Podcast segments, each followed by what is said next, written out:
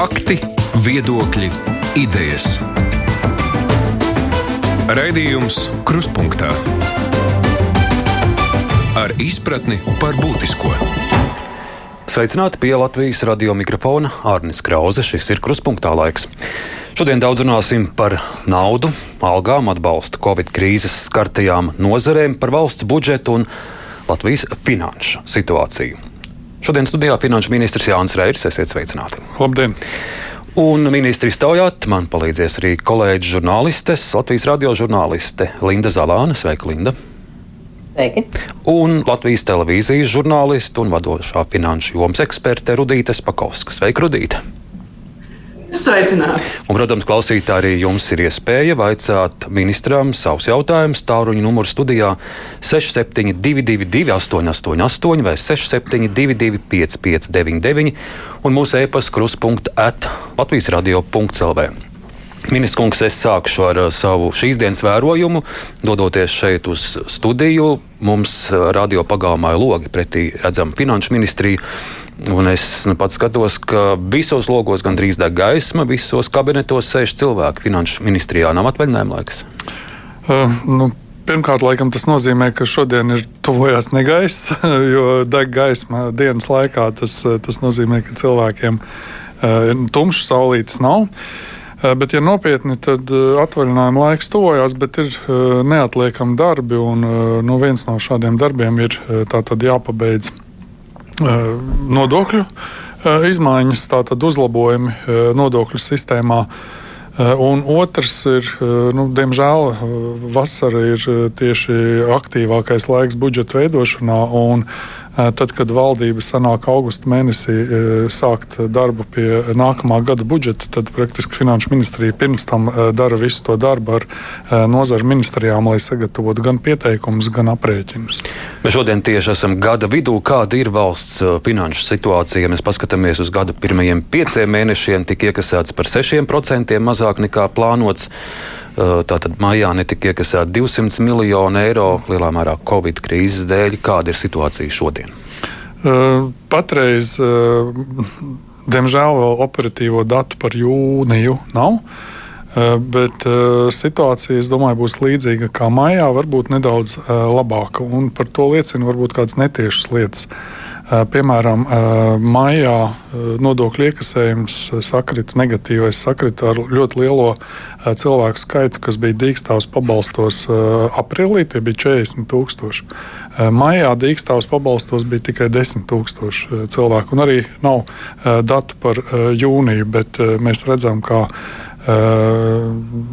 aktivizējās gan ēdināšana, restorāni, kafejnīcas, gan varbūt Eh, izmitināšana, kas ir ārpus Rīgas, eh, ne, ne Rīgas centrā, bet eh, nu, ne lielās viesnīcas, bet lauku viesu nami. Ma, ma, lauku viesu nami. Līdz ar to arī cilvēku skaits samazinās, un mēs ceram, ka no, tas atspoguļosies arī uz nodokļiem. Tas ir viens, bet otrs šī negatīvā lieta un inerce, eh, kas ir ietekmējusi uz, eksportējošos uzņēmumus. Un praktiski jau eh, martā, aprīlī šie rādītāji bija labi, tad maijā jau sāka samazināties. Līdz ar to nu, mēs redzam, ka nākamo draudu, un tas ne tikai Latvijā, bet praktiski visur uh, Eiropā tieši eksportējošo uzņēmumu iespējas uh, samazinājums. Un šeit tad, tiek gatavotas palīdzības jau pie esošiem finanšu instrumentiem, arī citas, cita veida palīdzības. Un, nu, mēs arī dzirdam un redzam, ka piemēram atkopjās, sāk vispār strādāt rūpnīcas Vācijā, Itālijā, kur mums daudziem uzņēmumiem piegādes. Tas nozīmē, ka šī inerce būs, bet patreiz mēs visi ceram, ka maijs bija sliktākais mēnesis, un tagad ies uz, uz, uz augšu visi ekonomiskie rādītāji. Bet, bet nu, situācija ir nu, atslābta. Nevar, ir jāmonitorē visu laiku un jāpiedāvā risinājumi bez mazliet katru nedēļu. Kolēģis, jūsu jautājumu sāksim rudīt. Um, Ministrs kungs, jūs jau stāstījāt, ka ministrijā logi visi gaiši deg, jo tiek gatavoti nodokļu uzlabojumi.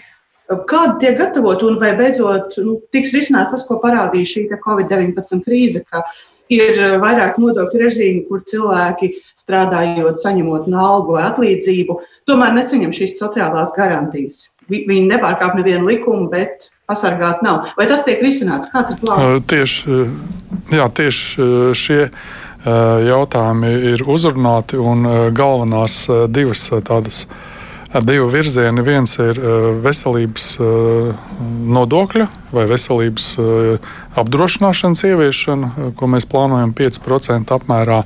Tātad nepaukstinot kopējo darbspēku nodokļu slogu, bet apvienojot jau esošo 1% iemaksu no sociālā budžeta un vēl 2%, kas patreiz ir sociālajā budžetā kā solidaritāte, un arī 2% no iedzīvotāja ienākuma nodokļa. Tātad noteikti šo veselības nodokli vai veselības apdrošināšanu 5% apmērā. Vēlreiz atgādināšu, nemainot kopējo darbspēka nodokļu slogu. Un otrs jautājums par minimālām sociālām iemaksām. Tiešām jūs pareizi jautājat, un krīze uzrādīja, ka nu, ir ļoti daudz. Praktiski pirmais, otrais mēnesis, marts, aprīlis tieši bija darbs ar, teiksim, tā mēs nepalīdzējām biznesam, bet mēs palīdzējām sociālā jomā. Tātad visiem cilvēkiem, pārsvarā šiem 40 tūkstošiem, kas bija dīkstāvs pabalstos, ļoti daudziem bija arī šīs problēmas ar sociālām iemaksām. Tad tie ir tie, kas strādāja viesmīlībā, arī Jā, daudz ir tieši, radošo jomu cilvēku. Tieši, tieši tā. Attapās, ka, ka viņi nav, ir sociāli neaizsargāti. Nu, jā, un, un, un praktiski nu, normālā nekrīzes laikā vai ne kara apstākļos, kā mēs smējamies. Viņi saka, jā, mums neko no valsts nevajag, mēs neko neprasām, tāpēc mēs arī nemaksāsim nu, pilnā apjomā šos nodokļus. Ja. Bet nu, arī ikdienā miera apstākļos ir vajadzīgas gan slimnīcas, gan skolas bērniem, gan ceļi un viss pārējais. Nu, un arī tagad izrādās arī sociālā palīdzība vajadzīga. Ja.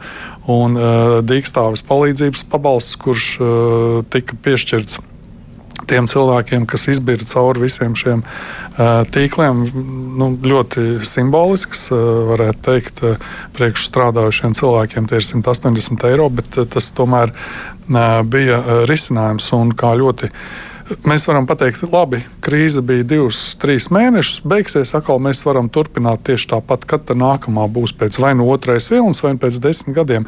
Bet ļoti precīzi pateica Pensionāru federācijas eh, vadītāja Bačs kundze, eh, ka eh, nu, šis ir ģenerāli, ģenerāli mēģinājums pirms pensijas.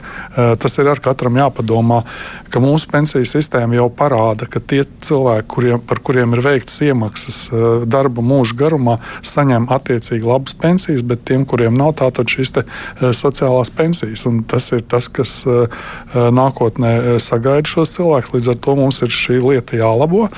Desmit gadus šādi režīmi bija mikro un pašnodarbinātie bez nodokļiem, tikai iedzīvotāju ienākumu nodokli, kurš pārsvarā gāja pašvaldību budžetos un uzturēšanā, tad praktiski jādomā, kā šos līdzekļus pārvērst sociālās iemaksās un veselības iemaksās. Rudīt, vēl kas piebilstams bija? Jā, jūs minējāt, nepalielināt darba spēka nodokļu slogu, kas ir loģiski un patīkami ziņa daudziem darba devējiem. Tajā pašā laikā vairāk sociālajiem nodrošinājumam, vairāk veselības aprūpei. Izklausot pēc maģijas, kam būs mazāk tad attiecīgi? Tā tad. Šeit maģijas nav. Mēs esam vērtējuši, kā attīstās budžeti, kādi ir budžeta tērējumi. Un esam secinājuši, ka praktiski nu, šajā sociālā jomā ir jāpiedalās visiem. Tātad valsts no savas puses iegulda veselībā sociālās iemaksas samazināsies par 3%, un arī e, pašvaldību e, daļā iedzīvotāja ienākuma nodoklis e, samazināsies par 2%, kas nonāks veselības aprūpas jomā.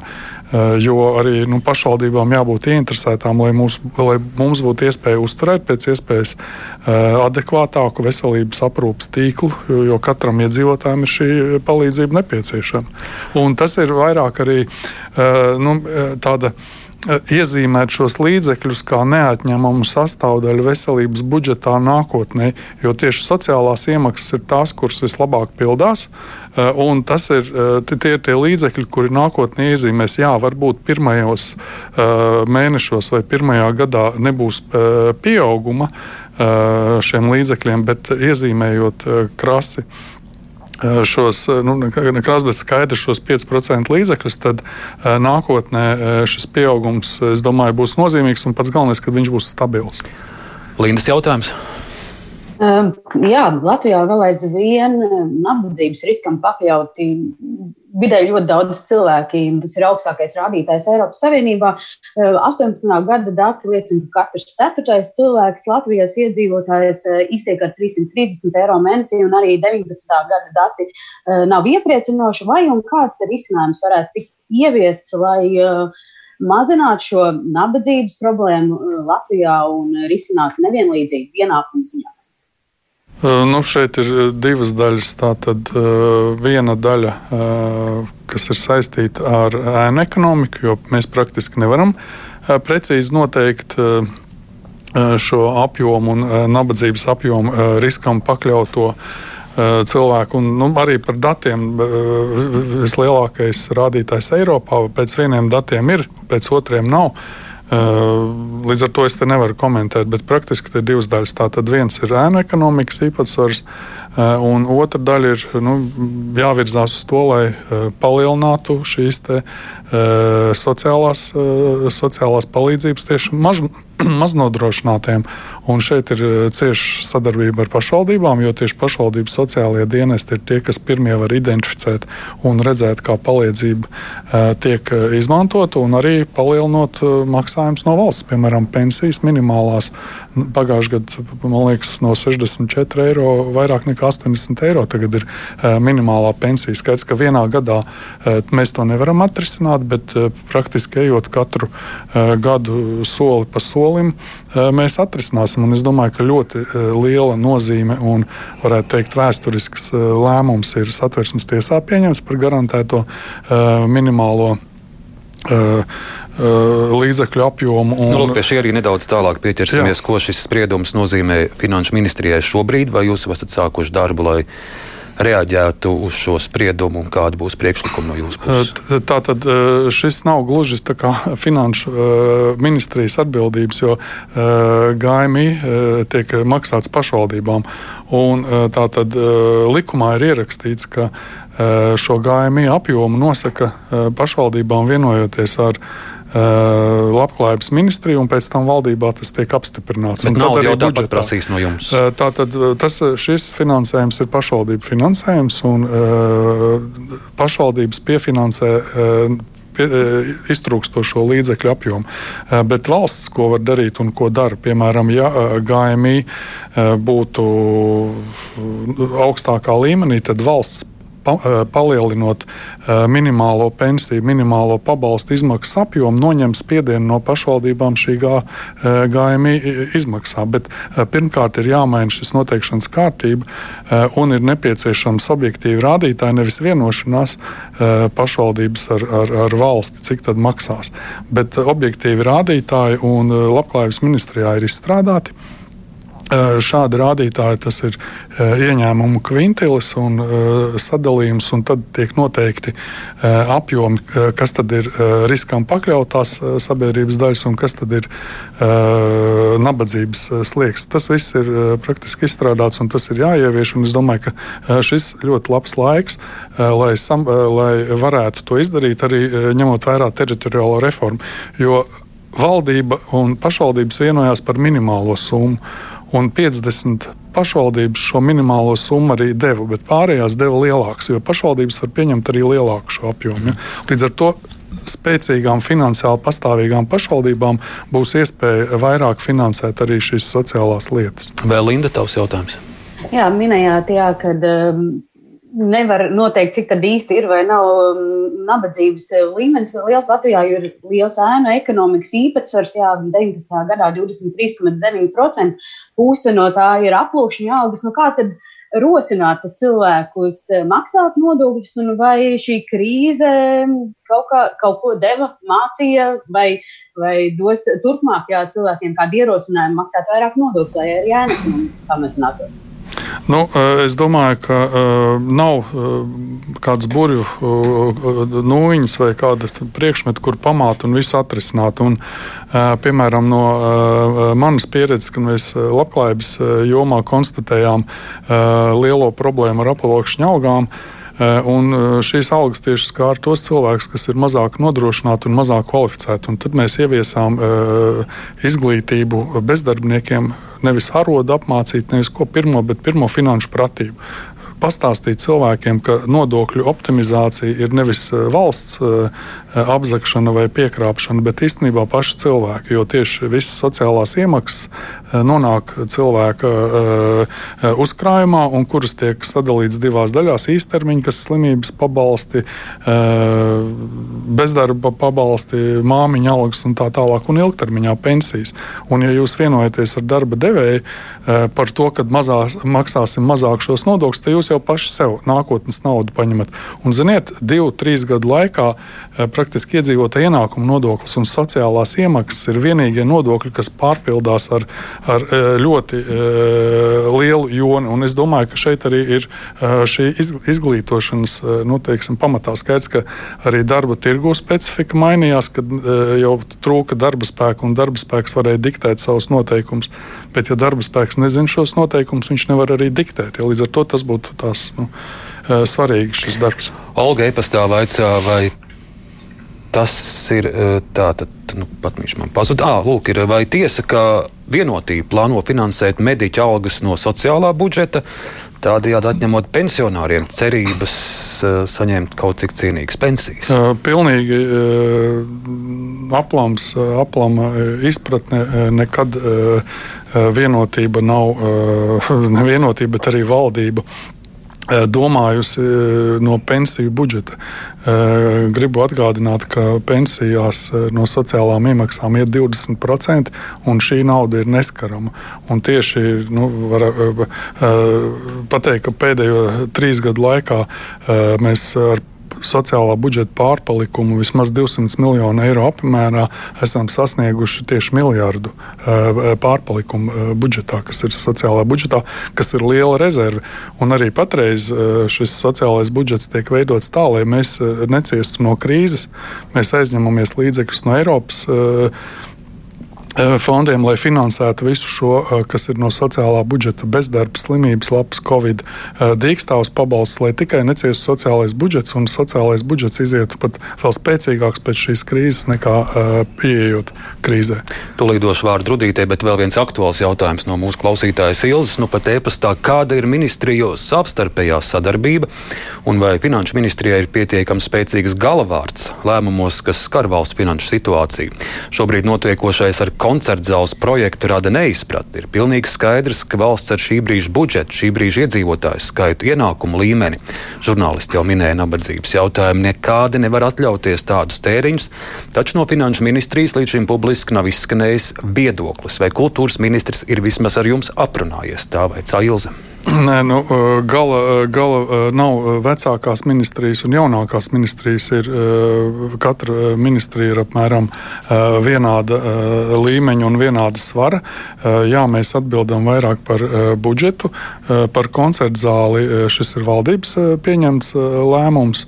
Eh, es arī balsoju par eh, šīs koncerta zāles izveidošanu. Es, eh, man pilnībā es nevaru iesaistīties diskusijā par vietu, jo neesmu eksperts, bet es balsoju par šo koncerta zāli, tāpēc ka es uzskatu, ka Rīgā ir jābūt koncerta zālē.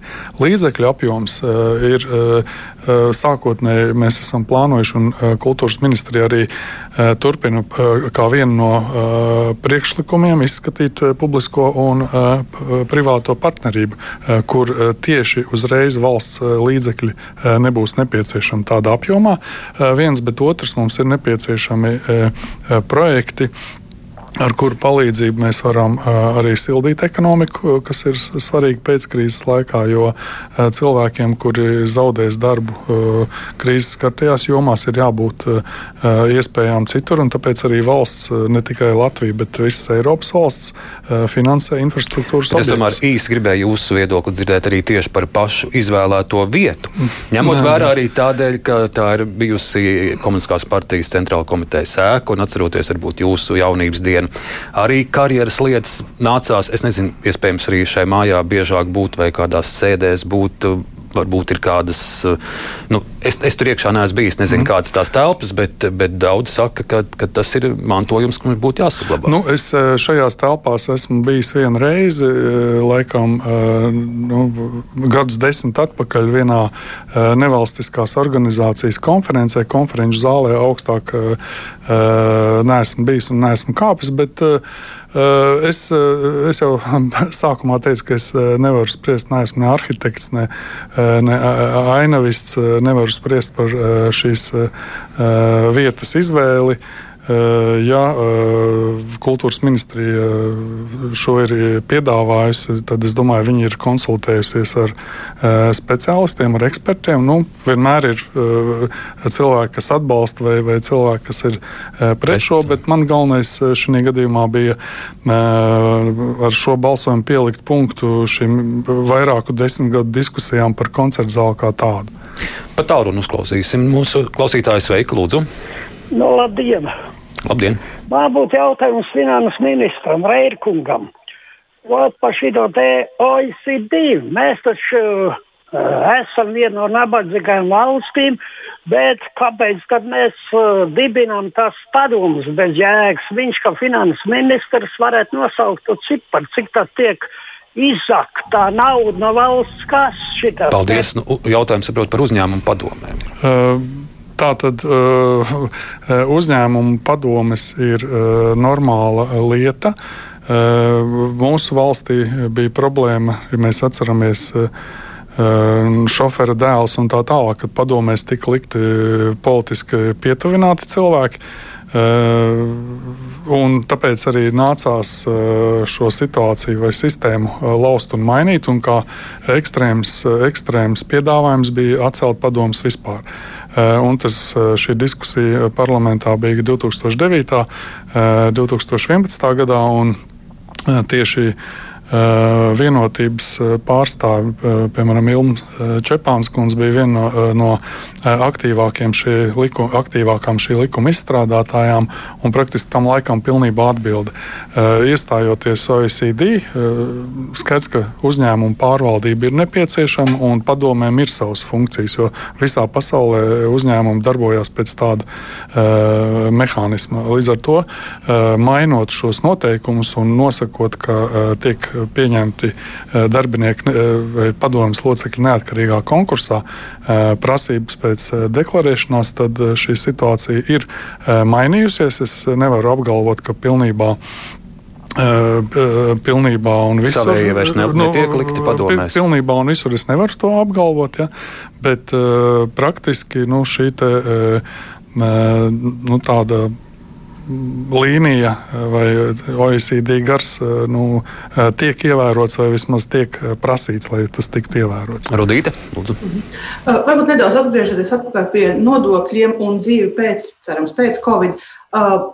Jūs jau minējāt, ka pieaug sociālais nodoklis, kas tiek maksāts iedzīvotāju ienākumu nodokļu iekasēšana, bet tas sakrit ar laiku, ka darba, darba devējiem vajadzēja darba ņēmējus, jo nu, tā bumba un vara, ja tā varētu teikt, bija darbinieku pusē. Uh, Es domāju, tikai loģiski gaidīt, ka pēc šīs krīzes būs otrādi, ka bumba būs darba devēja pusē un darba ņēmēji būs spiesti bieži vien piekāpties. Vai Finanšu ministrija šobrīd gaida jaunu uh, aploksņu algu vilni, jaunu vilni, ka tiks izvēlēts dažādas šīs optimizācijas schēmas, mikro uzņēmumi, patentu maksas un vēl dažni dažādi varianti, kā maksāt mazākus nodokļus? Vai jūs to reiķināties un gaidat? Tādēļ arī e, šie e, uzlabojumi, kas ir viena e, daļa, ko es jau pastāstīju par veselības iemaksu vai veselības apdrošināšanas ieviešanu, un otra daļa ir darba spēka nodokļu režīma samazināšana. Mums ir septiņi vai deviņi režīmi, un praktiski ir piedāvājums veidot vienu režīmu tātad vispārējie nodokļu nomaksas, kas jau ir 60% vai 65% strādā un 30% varētu būt eh, šis um, režīms, kur pašnodarbināto cilvēku izvēlās, un tas atkal sadalīties vai no apgrozījuma nodoklis, ja nav izmaksas, ja ir pakalpojums sniegšana, un ja ir izmaksas sarežģītāks bizness, tad daļu atskaitīt izdevumos un pārējos nodokļu režīmus samazināt un pielīdzināt pielīdzināt šos maksājumus vispārējai nodokļu režīmu maksāšanai, jo nu, es neredzu Jo nevienu pamatojumu, kādēļ, piemēram, skolotājai nopelnot vienu likmi un arī nu, kādam pašnodarbināta režīmu strādājošam būtu nodokļi jāmaksā trīsreiz mazāk nekā skolotājiem. Linda, lūdzu.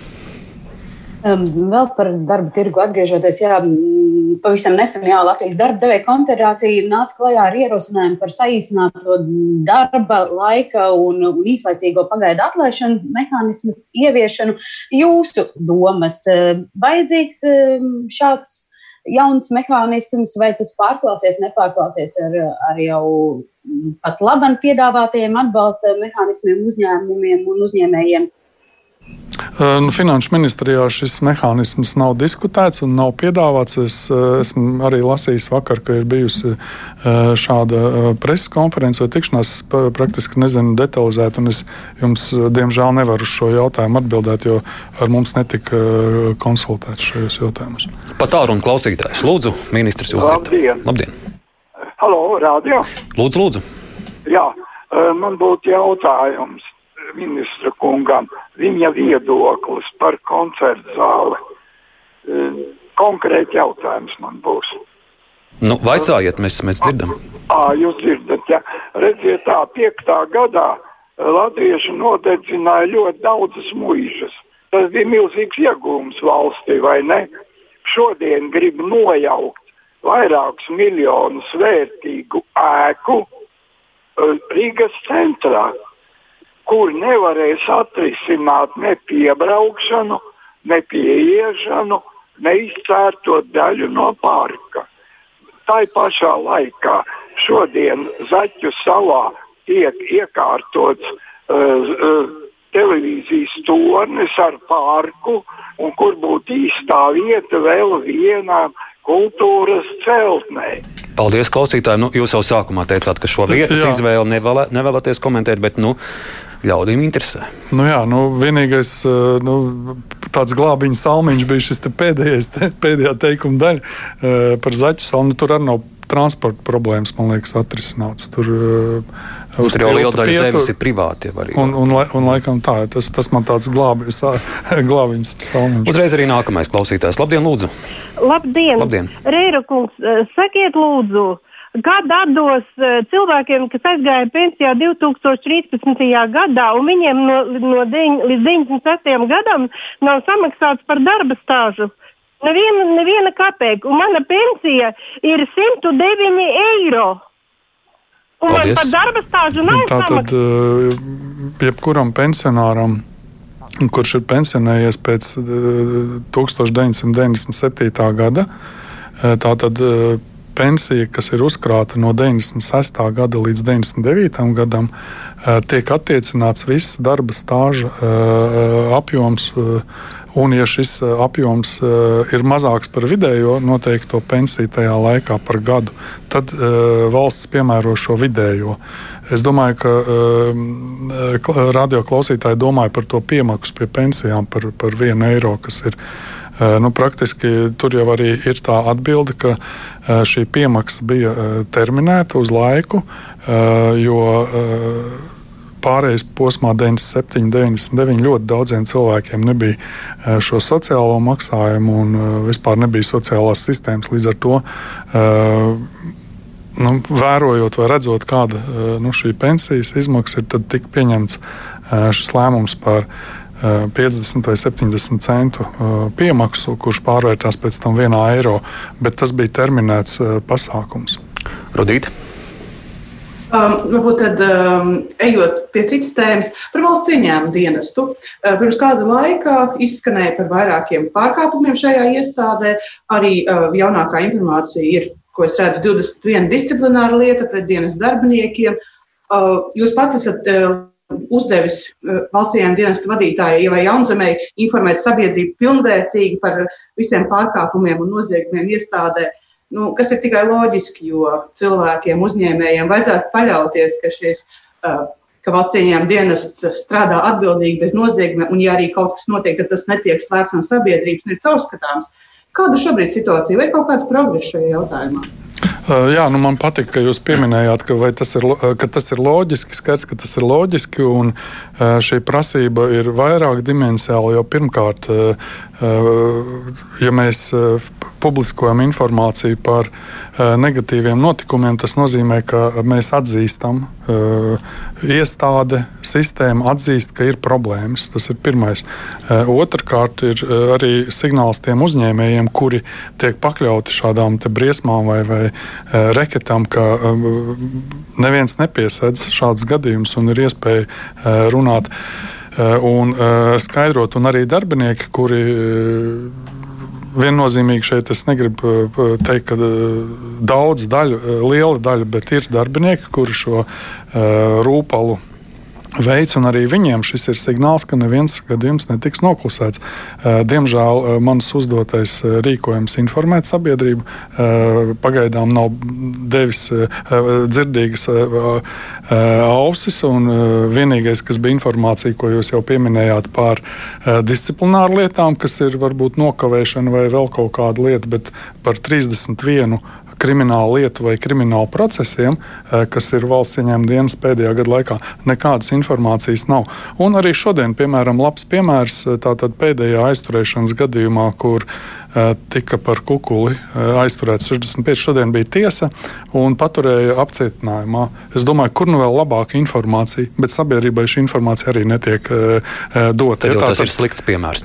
Tā tad, nē, tad tas ir slikts piemērs. Ka, tā, es domāju, vajadzētu lepoties, ka tiesa izvērtēja un paturēja uz diviem mēnešiem apcietinājumā cilvēkus, kuri piedalījās šajā. Tas nozīmē, ka tas darbs ir izdarīts labs. Bet šī ziņa netiek pateikta publiski. Bet šī netiek pateikta. Es jau tad... paturpinot kolēģis jautājumu jautājumu. To, to, to fokusēšu personālajā līmenī. No, faktiski no, no pirmās dienas, kad jūs stājāties amatā, nu, to nevar neredzēt, ka tāda īsta sazoba ar vidu vadītāju jaunzēm jums nav. Kur ir tā problēma? Jums tur horoskopu zīmes nesaskan vai, vai ir kaut kāda dziļāka problēma? Nu, piemēram, šis gadījums ir nu, konkrēti nu, visiem redzams. Es uzskatu, ka ir jāpublisko visa informācija par šādiem nozīmīgiem pārkāpumiem. Un, tas ir nu, vēl, man liekas, vissvarīgākais. Uh, šis, šī informācija ir nepieciešama sabiedrībai un tieši arī mēdījiem, lai viņi varētu izsekot, kas tad notiek ar šiem cilvēkiem pēc tam. Jo praktiski mēs jau nezinām, kas ir sodīts, kā ir sodīts. Jā, nu, bet ja arī tālāk jums nesanāks būt uz vienas stīgas ar vienu nu, vadītāju, kas notiks tālāk? Nu, es domāju, ka vadītājam ir uzdevums panākt, lai situācija mainās. Nevis, nevis, te, es vairāk esmu terapeits, nevis ķirurgs. Nu.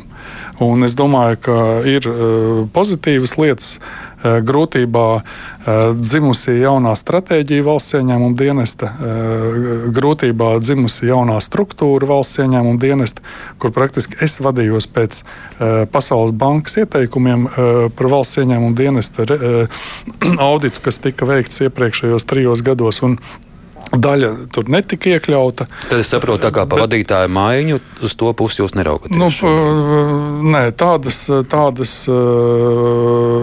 nav situācijas. Un, Nē, ne, neskatos uz to. Un nav, nav arī biju, bijusi tāda vēlme to darīt. Vēlme ir panākt, lai vidam uzticētos, lai, jo praktiski tas Eh, valsts ieņēmuma dienas ir atslēga valsts pastāvēšanai.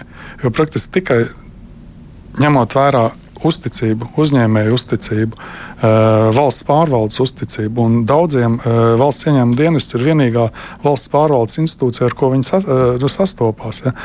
Un šeit ir nepieciešama gan uzticēšanās, gan uzticība. Un tikai, piemēram, publiskojot, nu, kā man bija vienā sarunā, tad teica, ka valsts ieņēmuma dienests izkrīt kaut kā no šīs sistēmas, atklātības sistēmas valstī. Ja mēs katru dienu lasām par kādu iestādi, tiesību sargojuša iestāde, kurā notiek nu, pārkāpumi, kur šīs iestādes publisko šos pārkāpumus. Valsts ieņēmuma dienas izkrīt kā vienīgā iestāde, kura praktiski klusē. Vēl īsi pa vienam jautājumam no kolēģiem. Rudīte, Man maz precizējošs jautājums. Vai šī atklātības stratēģija, kas veicinātu uzticēšanos starp iestādēm un iedzīvotājiem, attiecas arī uz pārējām finanšu ministrijas padotības iestādēm un pašu ministriju? Kāda ir jūsu vīzija? Visiem tam būtu jāstāsta, ja viņiem ir kādas problēmas un kā viņi tās risina.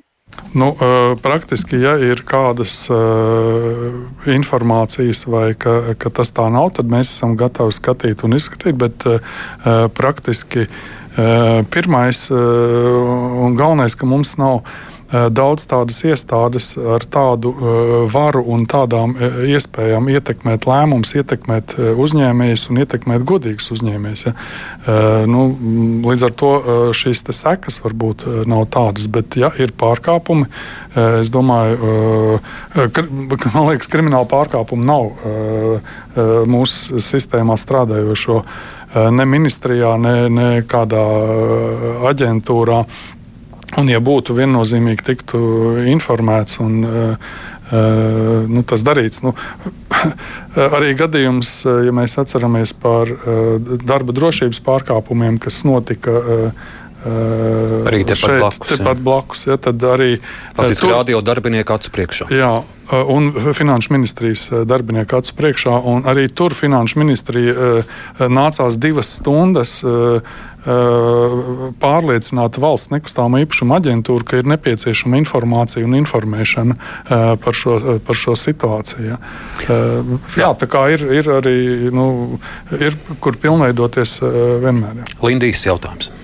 Jā, īsts jautājums. Jā, kopš Covid krīzes um, valsts ārējais parāds ir ievērojami pieaudzis, vai um, audzēts vairāk nekā par miljardu eiro. Šogad atgriezīsies, atgriezīsies Latvija vēl finanšu tirgos aizņemsies, lai varētu nofinansēt šīs parādas saistības un kā tas ietekmēs to finanšu stabilitāti.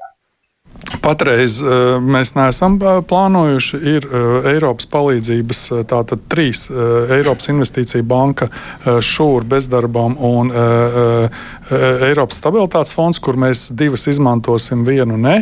Un arī nāk jaunā palīdzība. Līdz ar to mēs uzskatām, ka patreiz mēs neiesim neplānojam iešanu un arī ceram, ka budžeta rādītāji būs pozitīvi. Piemēram, mūsu plānotais maksimums 1,5 miljardi nesasniegs budžeta deficītu. Un vēl pavisam īsi jautājumu lūdzīs atbildes. Šodienas ziņa kredīta aģentūra Moody's ir paziņojusi, ka koronavīrusa pandēmija šogad izraisīs strauju Latvijas IKP kritumu par 7,3%, kas radīs arī būtisku negatīvu ietekmi uz valsts finansiālo stāvokli. Budžeta deficīts sasniegs 9,8% no IKP. Ko šīs prognozes nozīmē mediķiem, kur gaida, ka solījums par algu pieaugumu tiks izpildīts? Tā tad ļoti īsi grūti atbildēt, bet principā eh, ir eh, vienošanās eh, pagaidām neformāli ar Eiropas komisiju, ka mums nav jāveic nevis tikai mums, bet vispār Eiropā jāveic budžeta konsolidācija, ka mēs varam mūsu budžeta, nepalielinot budžeta līmeni, sasniegt uh, mērķus bezdeficīta budžetam ar izaugsmu nākamajos divos, trīs gados. Bet, ja mēs gribam palielināt budžeta uh, izdevumus, mums ir nepieciešams politikas. Tātad šie ir nodokļu izmaiņas, un otrs ir arī uh, veco programmu pārskatīšana, kur arī pagājušajā gadā bija atrasts 96 miljoni. Līdz ar to mēs tos līdzekļus meklēsim un atradīsim. Un vēl tā kā mēs esam sabiedriskajā radio, svarīgs jautājums sabiedriskajiem medijiem. Nākamgad tiem saskaņā ar likumu ir jāaiziet no reklāmas tirgus Latvijas radio un Latvijas Latvijas televīzija ir bažīga, vai izējot no reklāmas tirgus, tā finansiāli būs eh, nodrošināta. Ko šai sakarā darīs Finanšu ministrija? Nu, pirmais, ko es darīšu, tieši nu, laikam, divas stundas iepriekš tika sarunāta tikšanos ar uh, padomi, uzraugošo padomu. Nākam, nākamnedēļ mums būs šī tikšanās, un tad viņi iepazīstinās ar visiem uh, rādītājiem, ar, ar, ar, ar to, kā ir gājis un kas ir nepieciešams papildus līdz ar to. Jūs būsiet atbalstoši sabiedriskajiem medijiem? Nu, vai te ir izēja? Savu, nē, nu, mēdī, mēdī ir nepieciešama ne tikai sabiedriskiem, arī privātajiem mēdījiem. Tika piešķirti nozīmīgi līdzekļi Covid krīzes pārvarēšanai. Kā, un arī nu, viennozīmīgi gribētos arī pateikties mēdījiem par to atbalstu, kas tika sniegts tiem labiem rezultātiem Covidā. Jo reklāma, cilvēku uzmanīšana par saskarsmi un distances ievērošanu un pārējām higiēnas prasībām es domāju, arī savu artavu nospēlē. Mēdī ir jāatbalsta, vai tad ir cita izēja? Tā finanšu ministrs Jānis Reirs. Lielas paldies arī par šo teikumu, un paldies arī kolēģiem žurnālistiem Lindai Zalānei no Latvijas radio un Rudītais Pakauskai no Latvijas televīzijas klausītāji. Tūlīt pat jau brīvais mikrofons.